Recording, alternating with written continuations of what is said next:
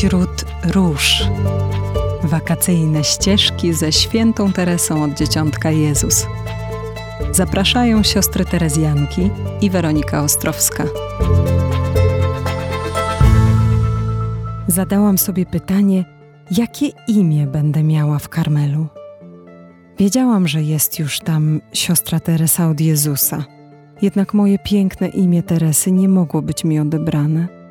Nagle pomyślałam o maleńkim Jezusie, którego tak kochałam, i powiedziałam sobie: O, jakże byłabym szczęśliwa, gdyby mnie nazwano Teresą od dzieciątka Jezus. Dobrej matce Marii od świętej Gonzagi, kiedy pytała siostry, jakie imię należy mi dać, przyszło na myśl, aby nazwać mnie wyśnionym imieniem. Nie posiadałam się z radości, a tę szczęśliwą zgodność myśli uznałam za objaw delikatności mego umiłowanego, małego Jezusa.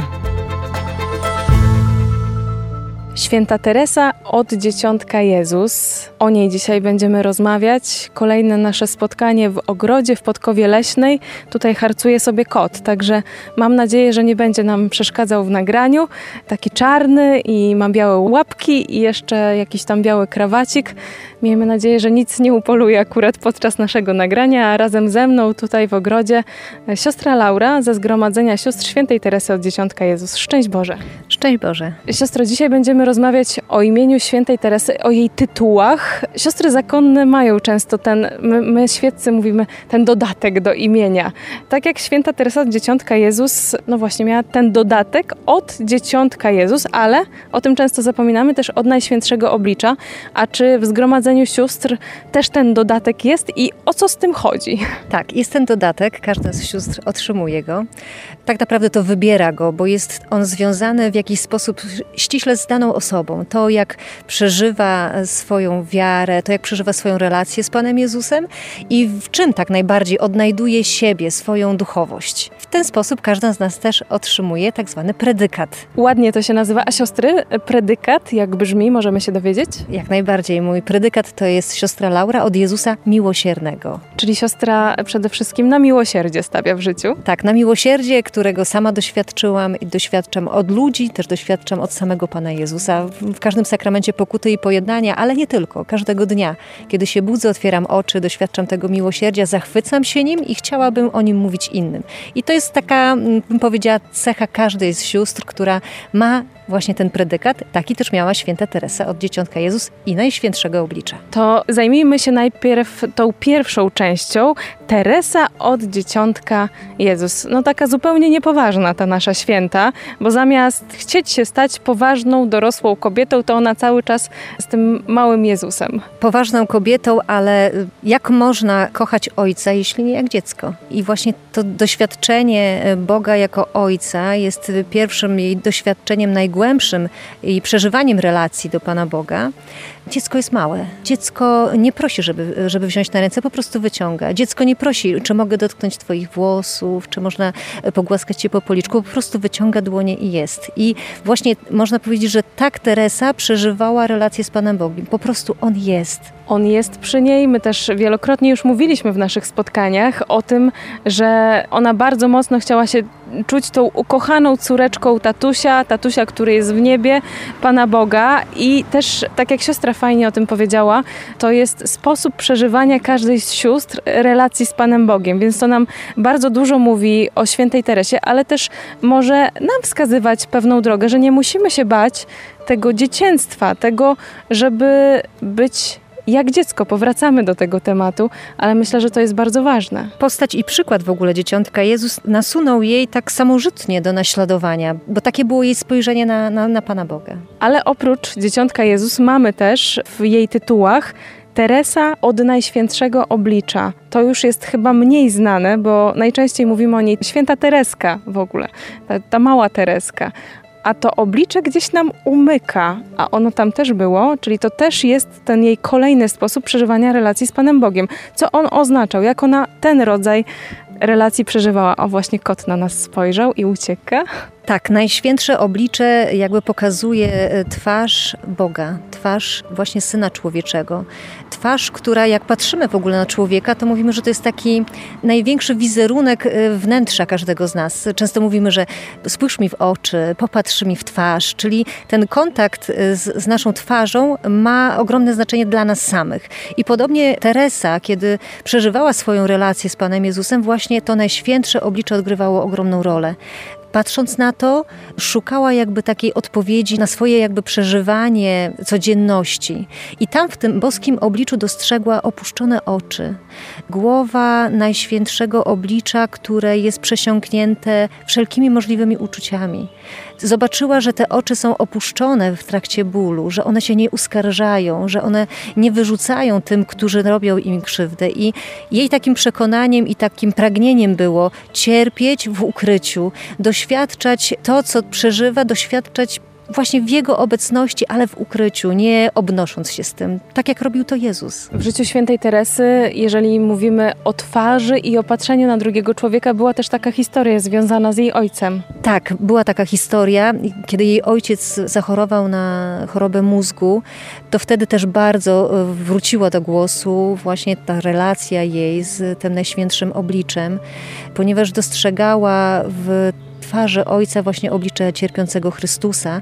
Nawet mówiła coś takiego, że kiedy Celina opiekowała się tatą, kiedy ocierała jego twarz w spotu, kiedy troszczyła się o niego, mówi to tak, jakbyśmy ocierali twarz samego Chrystusa cierpiącego. Niesamowity obraz i to też pokazuje niezwykłą dojrzałość świętej Teresy i może ten drugi tytuł, może z nim powinniśmy też mocniej się zaznajomić. Tak sobie pomyślałam, kiedy my możemy odkrywać twarz Jezusa i patrzeć w Jego oczy, chyba podczas adoracji najmocniej. Siostrze się zdarza tak zapatrzeć w Najświętszy Sakrament, żeby zobaczyć Jezusa? Tak, zdarza mi się na, tak zapatrzeć w Jezusa, ale tutaj przychodzi mi do głosu y, matka Teresa z Kalkuty, która była zakochana w świętej Teresie od dzieciątka Jezus i dokładnie co robiła? Patrzyła na twarz cierpiących i mówiła, że tam jest Chrystus. To patrzmy w te oczy, patrzmy w te twarze, w twarz Jezusa przede wszystkim i w oczy Jezusa, ale też i w twarze tych, którzy są obok nas. Piękna lekcja od świętej Teresy i chyba taka zupełnie nieoczywista, czyli dzisiaj nie tylko o dziecięctwie, ale też o Najświętszym Obliczu, bo dziś spotkaliśmy się z Teresą od Dzieciątka Jezus i Najświętszego Oblicza i też z siostrą Laurą. Bardzo serdecznie dziękuję za to spotkanie w ogrodzie. Dziękuję również, szczęść Boże.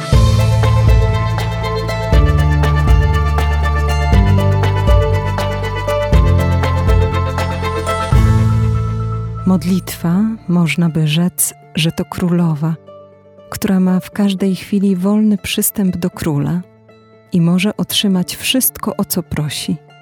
Aby zostać wysłuchanym, nie trzeba koniecznie odczytywać z książek pięknej formułki. Gdyby tak było, jakże byłabym godna pożałowania. Nie mam odwagi zmuszać się do wyszukania pięknych modlitw w książkach. Od tego aż głowa boli tak jest ich dużo.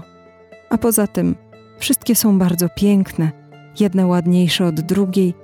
Nie zdołam odmawiać wszystkich, a nie wiedząc, które z nich wybrać, postępuję jak dzieci nieumiejące czytać. Mówię dobremu Bogu po prostu, co chcę mu powiedzieć, nie siląc się na piękne zdania, a on mnie zawsze rozumie. Dla mnie modlitwa jest wzniesieniem serca, prostym wejrzeniem ku niebu okrzykiem wdzięczności i miłości, zarówno w cierpieniu, jak i w radości. Temperatura dzisiaj dość wysoka. Słońce zaszło za chmury. Siedzimy sobie prawie że pod drzewem i patrzymy dzisiaj na świerk. Nie wiem, czy dobrze nazywam to drzewko, które jest tutaj przed nami, ale igły ma. ja na drzewach się... Świerk złocisty. Świerk złocisty, siostra podpowiada. to drugie drzewo to dla mnie po prostu jest to drzewo, które ma liście. Nie wiem, czy siostra zna gatunek, ale nie będziemy robić egzaminu ze znajomości drzew liściastych i iglastych, ale mogłybyśmy na przykład pomodlić się przy tych drzewach? Czy święta Teresa, jak siostra myśli, czy by nam pozwoliła tutaj się pomodlić, pokontemplować, pomedytować? A jest ze mną siostra Laura ze Zgromadzenia Siostr Świętej Teresy od Dzieciątka Jezus. Szczęść Boże.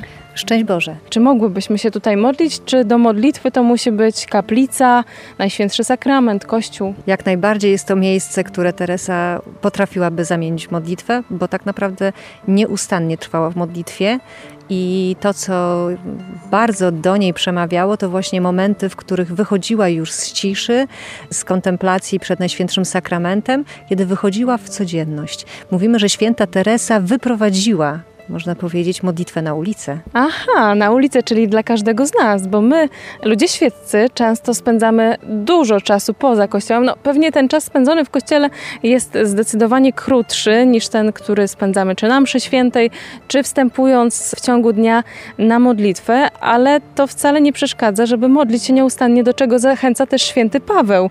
To święta Teresa taką modlitwę praktykowała, ale jak się okazuje, bardzo wcześnie zaczęła, tylko na początku nie zdawała sobie z tego sprawy. Tak, tak właśnie było. Pewnego dnia jej nauczycielka zadała jej takie pytanie, co robi w wolnych chwilach. Wtedy Teresa powiedziała, że wchodzi sobie w kąt za łóżko, zasłania się firaną i myśli. A pani pyta, ale o czym ty tak myślisz? A ona mówi, no myślę o Bogu, myślę o życiu, o wieczności, no jednym słowem po prostu myślę. No i wtedy Teresa nie wiedziała, że jest to już modlitwa rozmyślanie, które odprawiała, ale po latach, kiedy już była w Karmelu, e, przypominała jej się ta sytuacja i też ją właśnie opisuje w dziejach duszy i mówi, już wtedy praktykowałam rozmyślanie. Może czasami jest tak, że my się modlimy, nie wiedząc o tym, że się modlimy, tak jak to święta Teresa robiła jako dziecko. No wiadomo, ona wtedy była małą dziewczynką, o wieczności myślała, o Panu Bogu, o życiu, a my też tak możemy sobie chyba myśleć w codzienności, prawda? Tak myśleć, ale z Panem Bogiem. Koniecznie bo, bo inaczej się nie da. Ale ta myśl wynika właśnie z tego, że są te momenty, w których zatrzymujemy się w sakrum, czyli zatrzymujemy się w kaplicy, zatrzymujemy się w kościele, w tych miejscach, które jakoś tak szczególnie są naznaczone obecnością Pana Boga przez Najświętszy Sakrament. I tak też przeżywała to Teresa. Ta modlitwa nie była dla niej łatwą modlitwą trwała w ciszy, brakowało jej słów i, i tak jak y, słuchać było na początku tego cytatu, że kiedy brała książki, to brakowało jej głowy. To, to, to mówi, to jest dla jakichś mądrych doktorów. A wtedy po prostu co robiła? Mówiła jemu to, co chce powiedzieć. W momentach, kiedy było jej bardzo trudno się modlić, mówiła bardzo powoli modlitwę Ojcze Nasz. Zdrowaś Maryjo, doświadczając swojej modlitwy, tej kruchości modlitwy, że często dopadało jakieś znużenie, zmęczenie, senność, to wtedy, kiedy była w chórze z siostrami, mówi, one dopełniają braków mojej modlitwy. I podobnie powiem, że jest też takie moje doświadczenie. Wiele, wiele lat temu taką trudność y, przeżywałam w sobie i kiedy byłam na mszy świętej, nawet trudno było mi otwierać usta do modlitwy, Właśnie wtedy przypomniały mi się te słowa Teresy i wspólne Ojcze Nasz, które wypowiadał cały Kościół, zrozumiałam, że to jest właśnie dopełnieniem. Ten cały Kościół dopełnia tej mojej osłości, w której teraz jestem i przepełniająca taka radość, że nie jestem sama w tej modlitwie, więc warto uczestniczyć właśnie w takiej modlitwie, czy liturgii godzin, liturgii Kościoła, w której wiem, że nawet jeśli ja w czymś słabuję, nie dopełniam, to jest to wypełnione obecnością właśnie też między innymi tych, którzy się modlą razem z nami. Jakie to jest piękne, że i święci mają te trudności na modlitwie, bo my czasami myślimy, no jak święci byli, no to u nich było tak z modlitwą chociaż łatwo, pięknie, przyjemnie, a wiemy też, że i z różańcem Teresie nie było tak łatwo. Nie było łatwo, nawet opisuje to w swoich dziejach duszy, że wstydziła się tego, że zasypiała na różańcu. Nawet sobie bardzo to przeżywała ze względu, że kochała Matkę Bożą. Mówi, dlaczego tak jest? Kocham tak Matkę Bożą, a tak trudno modlić mi się na różańcu i zasypiam. Ale co jest fenomenalne, nigdy nie skracała tej modlitwy. Powiedziała, że jeżeli jest to czas przeznaczony dla Pana Boga, nie można go z niego okradać. No i co wtedy? Jak zdarzy nam się na różańcu zasnąć, wyznaczamy sobie pół godziny na różaniec, a na pierwszej dziesiątce zaśniemy i prześpimy te kolejne 20 minut, to co wtedy? Nie płakać i nie załamywać rąk, tylko tak jak dziecko z prostotą powiedzieć, Panie Jezu, tak mi wyszło dzisiaj. Ale jest jeszcze inne takie spojrzenie, że jeżeli lekarz chce zrobić jakąś taką poważną operację, to prosi anestezjologa o uśpienie. I podobnie tutaj. Pan Bóg ma na pewno coś do zrobienia, ale jest nasza intencja, jest nasze pragnienie trwania przed Panem Bogiem. I co Teresa doświadczała? Wychodziła z modlitwy, która była trudna i wtedy przychodziło światło. W codzienności ogarniały ją właśnie myśli, ogarniały ją intencje, które nosiła w swoim sercu. No, nie była w stanie tego jakby usłyszeć czy przerobić na modlitwie, a ten czas poświęcony na modlitwę pozwalał, że kiedy wracała do codzienności, przychodziło światło. To czekajmy na te Boże natchnienia, na to Boże światło i tak jak siostra powiedziała, nie zawsze musi to przyjść podczas samej modlitwy, tylko czasem jak wyjdziemy z kaplicy. My tutaj spróbujemy poszukać dobrego miejsca, żeby trochę pomedytować. Bardzo serdecznie dziękuję siostrze za modlitwę i Was, słuchacze, też zachęcamy do tego, gdziekolwiek jesteście, żeby chociaż chwilę zanurzyć się w medytacji. Dziękuję siostrze za rozmowę. Dziękuję bardzo, szczęść Boże i do usłyszenia.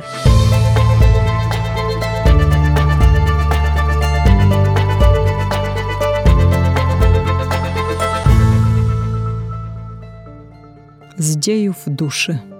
W wieku lat 17 i 18 nie miałam innego duchowego pokarmu.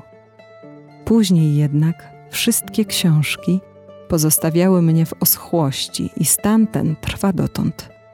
Zaledwie otworzę jakąś książkę duchową, chociażby najpiękniejszą, najbardziej wzruszającą, czuję natychmiast, że moje serce kurczy się i nie wiem, rzec można, co czytam, a umysł mój staje się niezdolny do rozmyślania.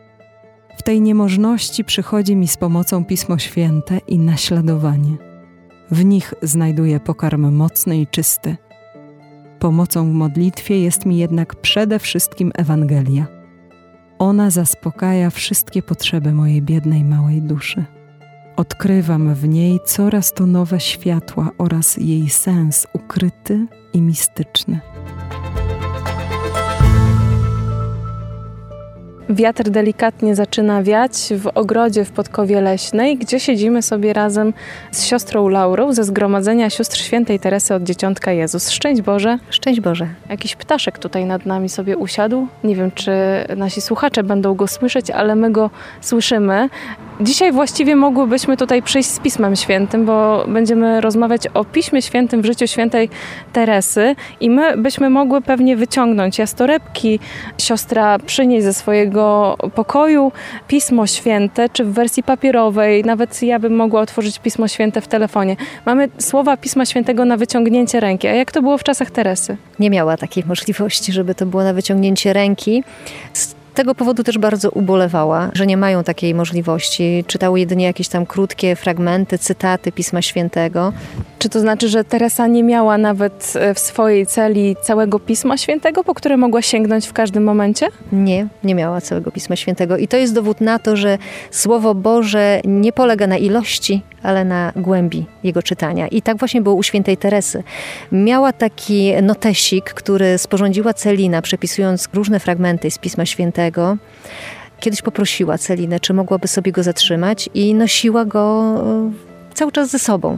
I nawet kiedyś w dziejach duszy zapisała, że Ewangelia zawsze spoczywa na mym sercu.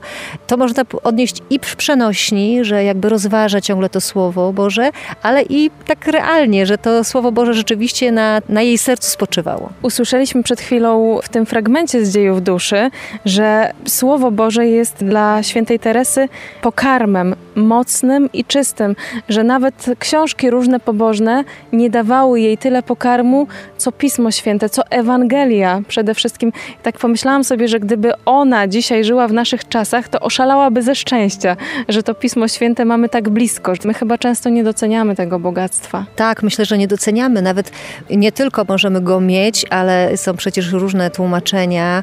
Możemy mieć nawet takie równoległe tłumaczenia, gdzie mamy z języków oryginalnych, możemy to porównywać, możemy jakby wgryzać się jeszcze bardziej w tę treść, ale nie musimy się smucić, bo możemy to mieć i z tego nie korzystać. Teresa tego nie miała, a z tego Słowa Bożego bardzo czerpała. Więc nie ilość, ale jakość i głębia tego słowa. No to spróbujmy się od niej czegoś nauczyć. W jaki sposób ona z tego korzystała? Słyszeliśmy, że Pismo Święte, słowa Ewangelii pomagały jej w modlitwie, ale też w jakiś sposób chyba kształtowały jej życie. Ona szukała odpowiedzi w Piśmie Świętym na swoje pytania szukała odpowiedzi i znajdowała właśnie te odpowiedzi. Odkrywała jakby głębie swojego życia duchowego i swojej relacji z Panem Jezusem. Dziś bym powiedziała, że to jest praktyka lekcji divina. Wtedy tego byśmy tak nie nazwali, ale dziś rzeczywiście na tym polega lekcja divina, że rozważamy Słowo Boże z tego fragmentu, może nawet krótkiego, bardzo króciutkiego, wchodzimy w coraz węższe e, zwroty, coraz węższe zdania, coś, co dotyka moje serce, ale ono nie ma mnie tylko dotknąć, ale ma tworzyć taki rozruch dla mojego życia, ma podejmować refleksję, może mnie pobudzić do jakiegoś działania, a może mnie trochę i wprowadzić w taki kryzys, że spowoduje jakąś zmianę mojego myślenia, mojego życia. I to jest właśnie to, co było u Teresy, że Słowo Boże to jedno zdanie. Ona cytowała Pismo Święte, uczyła się tych fragmentów na pamięć, tych, tych krótkich zdań, które miała. Z księgi Izajasza, że, że podnosi Pan do policzka swojego niemowlę. Ona to naprawdę autentycznie przeżywała nas w swoim życiu i w swojej codzienności, czyli Słowo Boże to takie praktyka dzisiejszego lekcja divina. Nie wszyscy pewnie świeccy wiedzą, co to jest lekcja divina, ale siostra wyjaśniła, że chodzi o to też, żeby wgryzać się w to Słowo Boże, nie tylko, żeby ono coś nam powiedziało, ale żeby też zmieniało nasze życie. I to jest chyba też bardzo ważne, bo możemy sięgać po Słowo Boże no i sobie je czytać po prostu, ale chodzi o to, żeby mocniej się w nie wgryźć i tego uczy nas dzisiaj święta Teresa. I my możemy sobie z nią zadać pytanie, dlaczego warto warto po Słowo Boże sięgać codziennie? Właśnie po to, że każdy dzień ma nowe wyzwania, nowe perspektywy i gdzie mam szukać odpowiedzi? Gdzie mam słuchać tego Pana Boga, tak? Gdzie Go usłyszeć? No przecież On nie stanie i nie, nie wypowie tych słów. I to nie jest tak, że kiedy rozważamy to Słowo Boże, to ono w tym momencie już do nas mówi, bo może być tak, że tylko je czytamy. A w momencie, kiedy wychodzimy do codzienności, przychodzi nam odpowiedź. Czuję tą odpowiedź do mojego życia.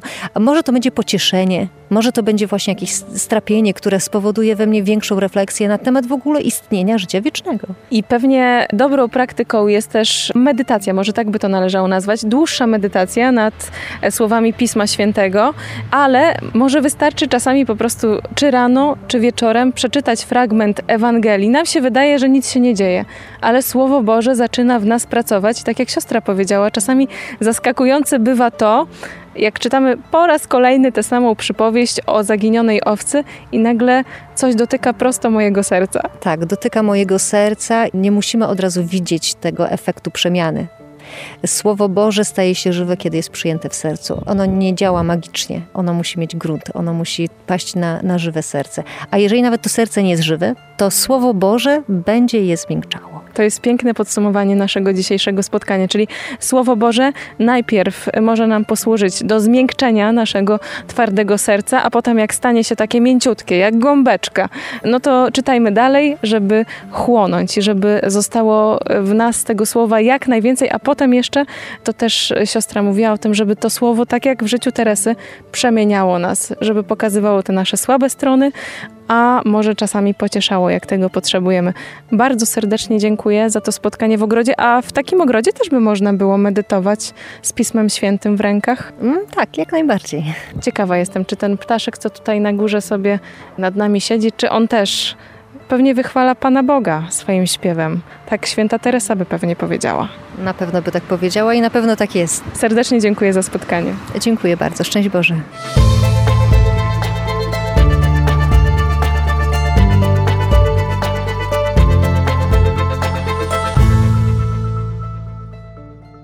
Z dziejów duszy. Trzeba, aby dziecko mogło ukochać swoją matkę, aby ona płakała z nim i dzieliła swoje bóle. O, moja ukochana matko, na nieznanym brzegu wylewasz łzy, aby mnie przyciągać do siebie. Rozważając Twoje życie w świętej Ewangelii, ośmielam się patrzeć i zbliżać do Ciebie wierzyć, że jestem Twoim dzieckiem. Nie jest mi trudno, bo widzę Cię śmiertelną i cierpiącą jak ja.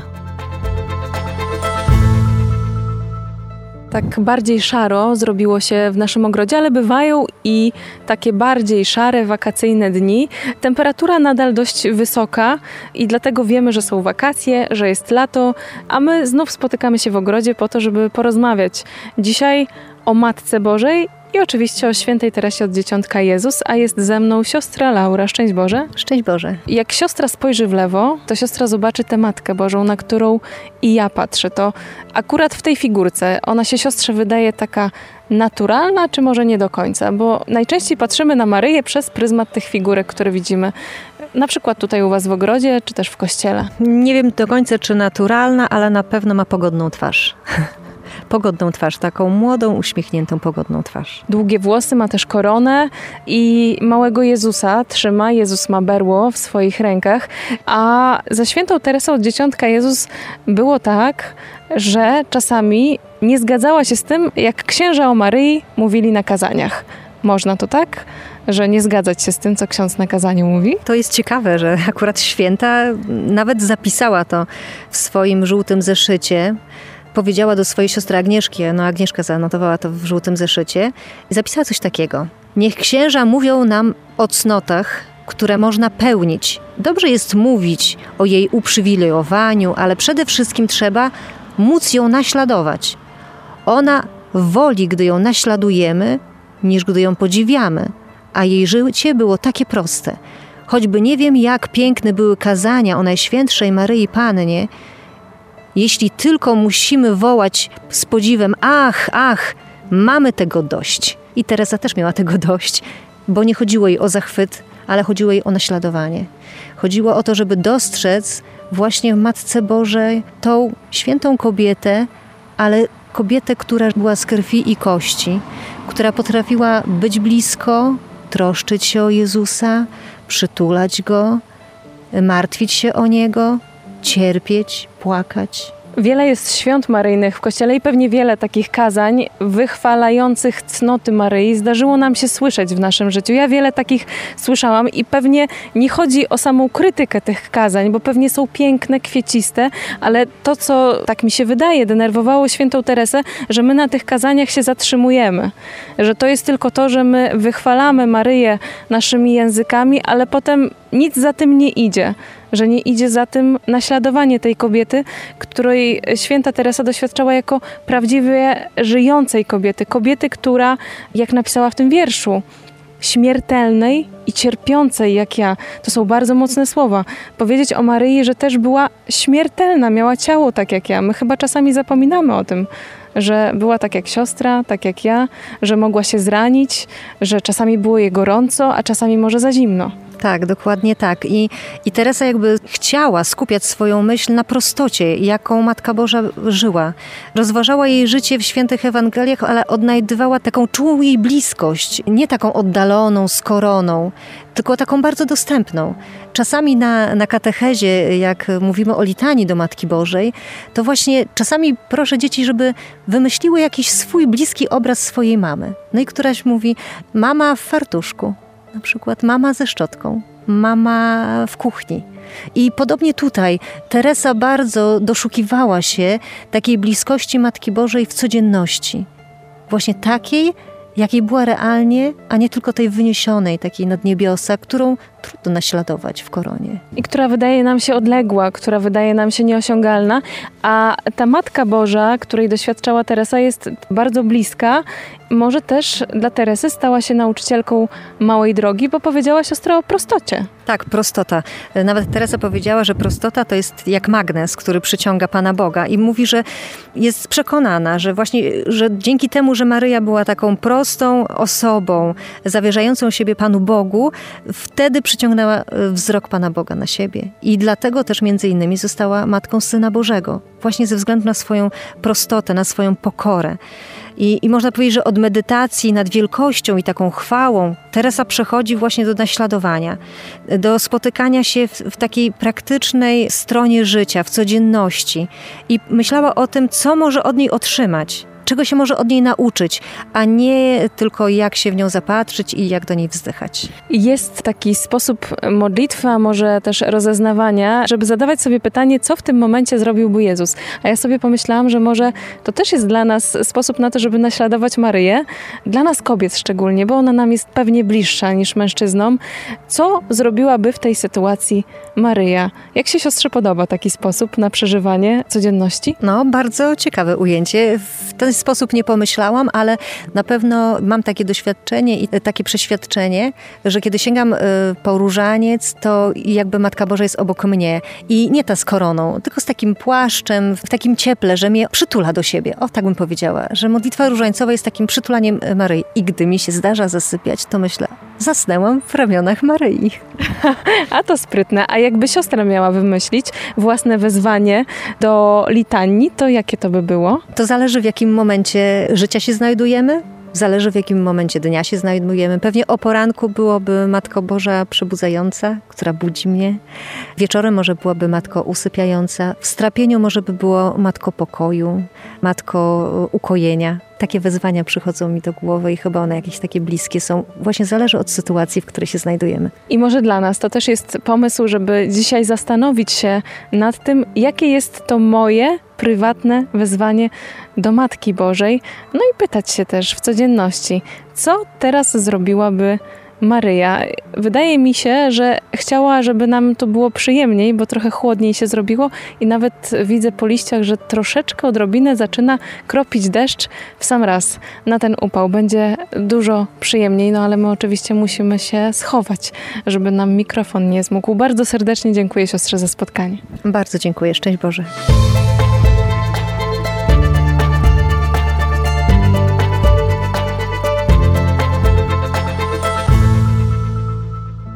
Z dziejów duszy.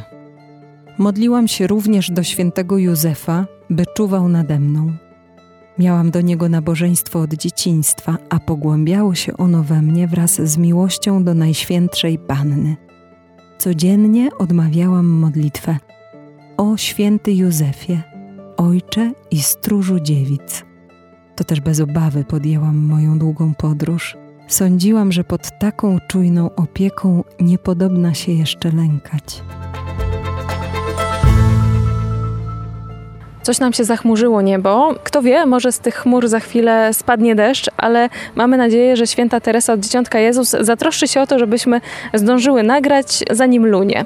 E, no to sprawdzimy, czy działa, czy nie działa ta święta, a ze mną jest tutaj w ogrodzie siostra Laura ze Zgromadzenia Sióstr Świętej Teresy od Dzieciątka Jezus. Szczęść Boże. Szczęść Boże. Jak pani powiedziała o deszczu, to może to być deszcz, ale różanych łask. O, to tego bym sobie życzyła, jakby miały zacząć padać rzeczywiście płatki róż z nieba. Zastanawiam się, czy dzisiaj przypadkiem w naszym ogrodzie nie zrobi się spory tłok, bo święta Teresa różnych świętych traktowała nie jak herosów, z którymi nie może nawiązać relacji, tylko jak bliskich. A dlaczego ja o tym tłoku? No bo mogłybyśmy zaprosić w sumie naszych świętych przyjaciół, żeby tu z nami byli i wtedy mogłoby się zrobić ciasno. Święta Teresa rzeczywiście miała ciasno w swojej kieszonce, w habicie, ponieważ zawsze czciła, bardzo czciła religię relikwie i nosiła je przy sobie. Miała ich sporo. Miała taką saszetkę uszytą z beżowej skórki, w której schowała pergamin ze swojej profesji. I miała relikwie błogosławionej Małgorzaty, które zawsze nosiła przy sobie. Teresa była niesamowita, bo potrafiła dostrzegać świętość wśród osób, które znała na co dzień. I nie tylko nosiła relikwie już ogłoszonych świętych, ale tych osób, które umierały w opinii świętości, na przykład włosy siostry, która zmarła przy niej, siostry od świętego Piotra. Nosiła relikwie matki Genowefy od świętej Teresy to były siostry, które w tym czasie w klasztorze umierały w opinii świętości. I ona tak skrzętnie, że będąc blisko nich, coś sobie dla siebie zatrzymała. Oprócz tego, kiedy była na pielgrzymce w Rzymie, oczywiście zabrała kamyk z Koloseum, bo dla niej to było wielkie wydarzenie, że tam te kamienie zostały naznaczone, przesiąknięte krwią męczenników, tych pierwszych, którzy oddali życie za Chrystusa, nie bali się nosiła ziemię z grobu świętej Cecylii, która pochodziła z katakumb, nosiła ze sobą medaliki. Była zapatrzona w swoją matkę Teresę Wielką, która była jej taką matką w życiu zakonnym.